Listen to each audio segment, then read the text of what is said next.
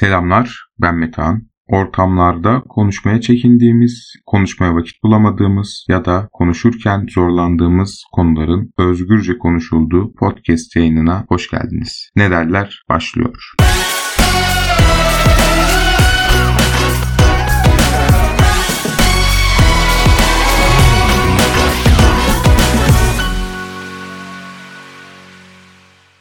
Selamlar. Ne derler podcast'inin bu haftaki konusu torpilizm.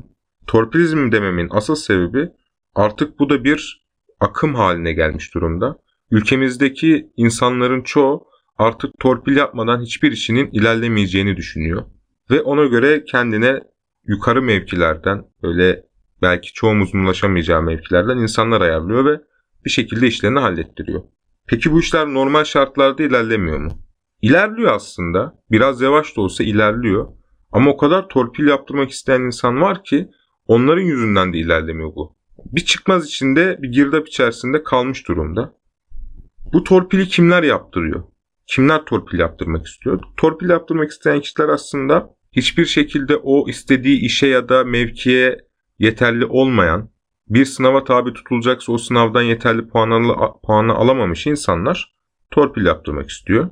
Torpil yapan kişiler de belki de zamanında torpille gelen insanlar, bu sisteme alışık olan insanlar. İşte tabiri caizse Ankara'daki dayılarımız. Şimdi size biraz e, ben ilk okuduğumda ve gördüğümde artık hayrete düştüğüm Mersin Üniversitesi'ni anlatacağım. Mersin Milletvekili Ali Mahir Başarar'ın 2020 sonbaharında Cumhurbaşkanı Yardımcısı Fatih Oktay'a verdiği bir önerge var. Önerge şunu içeriyor. Seçim bölgemde bulunan Mersin Üniversitesi'nde rektör Ahmet Çamşar'ı yeğeni Sena Karakuşu Eğitim Fakültesine, Sena Karakuş'un eşi İsmail Karakuşu Türkçe Öğretmeni Araştırma Merkezi'ne, diğer yeğeni mühendis Emre İnancı Yapı İşleri Daire Başkanlığı'na atamıştır. Rektör yardımcısı Ali Kaya, yeğeni öğretim görevlisi Erhan Kaya'yı Tarsus Meslek Yüksekokulu'na, Rektör Yardımcısı Mehmet İsmail Yağcı, oğlu Can Yağcı, araştırma görevlisi, Genel Sekreteri İsa Değirmenci, yeğenleri Filiz Değirmenci ve Süreyya Değirmenci'yi araştırma görevlisi, yine Mersin Üniversitesi Rektör Yardımcısı Erol Yaşar, yeğenleri Hanife Mevhibe Şen ve Beyza Kasabı rektör danışmanı olarak atıyor. Aslında burada siz daha çok da uzatmıyorum. Çok örnekleri var bu üniversitede. E şöyle kısaca bahsedeyim akademik kadrosunun %80'i aynı ilde doğan insanlar. Yani Mersinli olan insanlar. Ve bunların çoğu bir şekilde kendi akrabalarını, çocuklarını, yeğenlerini, hanımlarının kardeşlerini, kayınçolarını, biraderlerini ne derseniz artık Mersin Üniversitesi'ne atıyor. Ha bunu yaptı. Şöyle de bir durum var. Devam da ediyor burada. Eş akraba atamalarının dışında Mersin Üniversitesi'nde akıl dışı atamalar da yapılmıştır. Örneğin kadın doğum uzmanı Profesör Doktor Faik Gürkan Yazıcı Denizcilik Fakültesi dekanlığına, Denizcilik Fakültesine de daha sonra harita mühendisi Profesör Doktor Murat Yakar atanıyor. Doktor öğretim üyesi Yücel Uysa 2016 yılında aile hekimliğine ana bilim dalında Yabancı Diller Yüksekokulu'na müdür olarak atanıyor. Bunun gibi birçok örnek var. Daha gelin biraz daha bakalım. Pamukkale Üniversitesi'nde rektör eşine özel kadro açtırdı. Kütahya Üniversitesi'nde ön elemede sonuncu olduğu halde mülakatı geçen tek asil üye rektörün eşi çıktı. Harran Üniversitesi rektör yardımcısı kardeşini yüksekokul müdürlüğüne getirdi. Kızını Almanca okutmanı yaptı. Oğlu üniversitenin yabancı öğrenci sınavını kazanarak tıp fakültesine girdi. Çanakkale 18 Mart Üniversitesi'nde yaklaşık 250 akademisyenin üniversite çatısı altında en az bir akrabası bulunduğu ve Bunların tamamının üniversitenin yönetim kadrolarındaki akrabalarıyla aynı soy ismi taşıyor olduğu iddia edildi. Bunlar zamanında çıkan haberler. Bir tanesi önerge. Tabii ki de önergede hiçbir şekilde onaylanmıyor. Daha doğrusu mecliste bile mecliste bile konuşulduğunu pek sanmıyorum. Şimdi biz bu hale nasıl düştük? Biz bu hale şöyle düştük.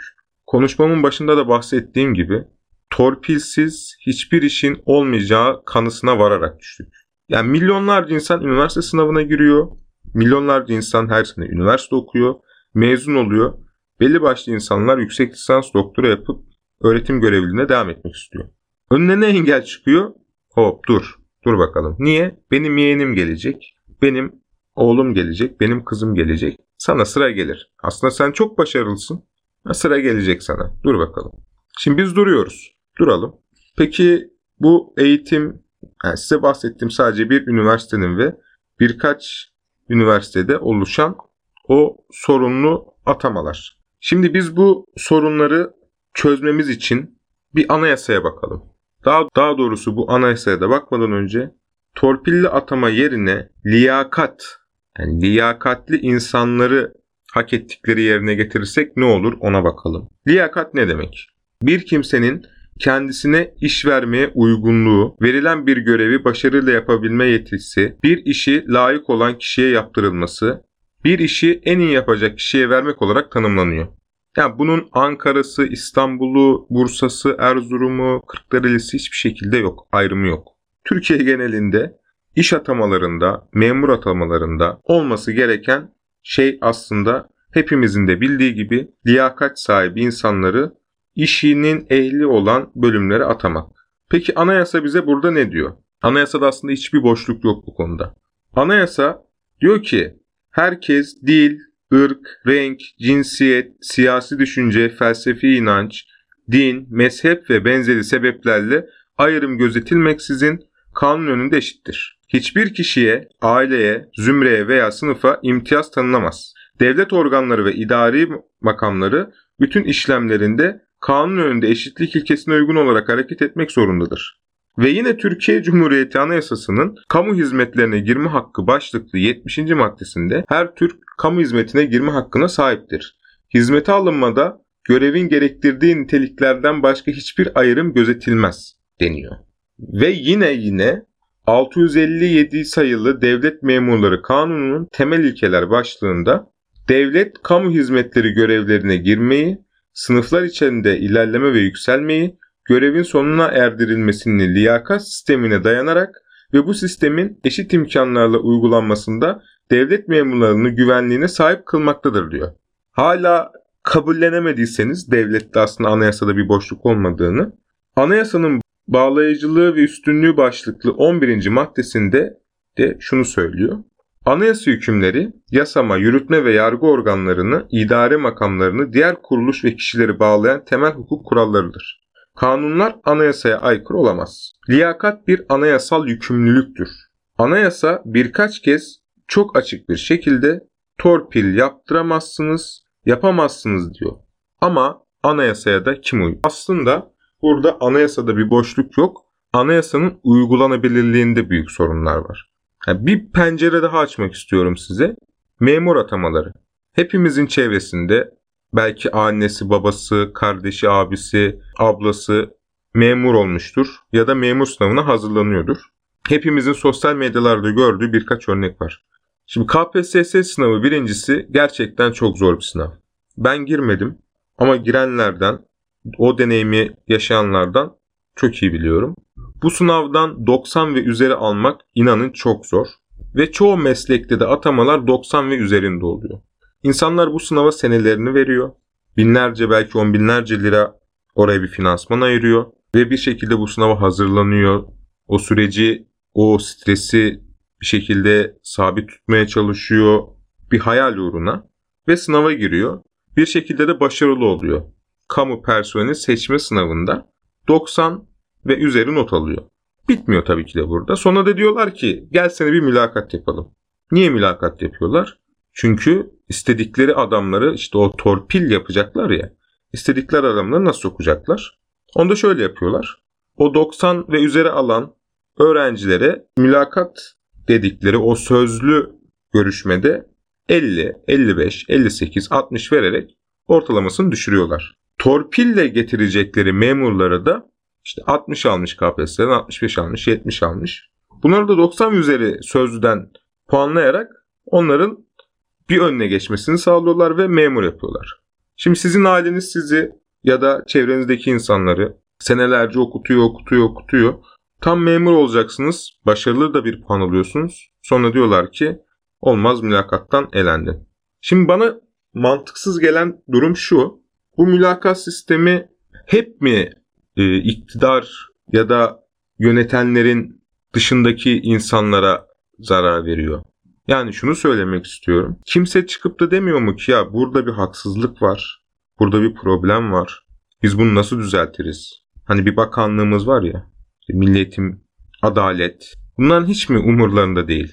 Yani bu insanların hakkını nasıl geri verecekler? Ben gerçekten bilmiyorum. Bu düzen şöyle değişir. Her defasında söylediğim ve her defasında söylemeye devam edeceğim şekilde ilk öğretimden başlayarak 16 yıllık, 18-20 yıllık eğitim hayatı boyunca çocuklarımızın kaliteli eğitim alarak liyakat sahibi öğretmenlerle birlikte daha doğrusu eğitmenlerle birlikte o nesli yani 20 yılımızı her şeyden elimiz ayağımızı çekip sadece o nesle yatırarak bu tarz sorunların önüne geçebiliriz. Biz bunu yapmıyoruz. Burada da şöyle problemler ortaya çıkıyor. Ben mesela ilkokul, ortaokul zamanında SBS denilen bir sınava girdim. 6. sınıfta, 7. sınıfta, 8. sınıfta. Ben liseye geçtiğim an, lise 1 olduğumda SBS kaldırıldı, tek sınava düşürüldü. 8. sınıfta sınava giriyordu.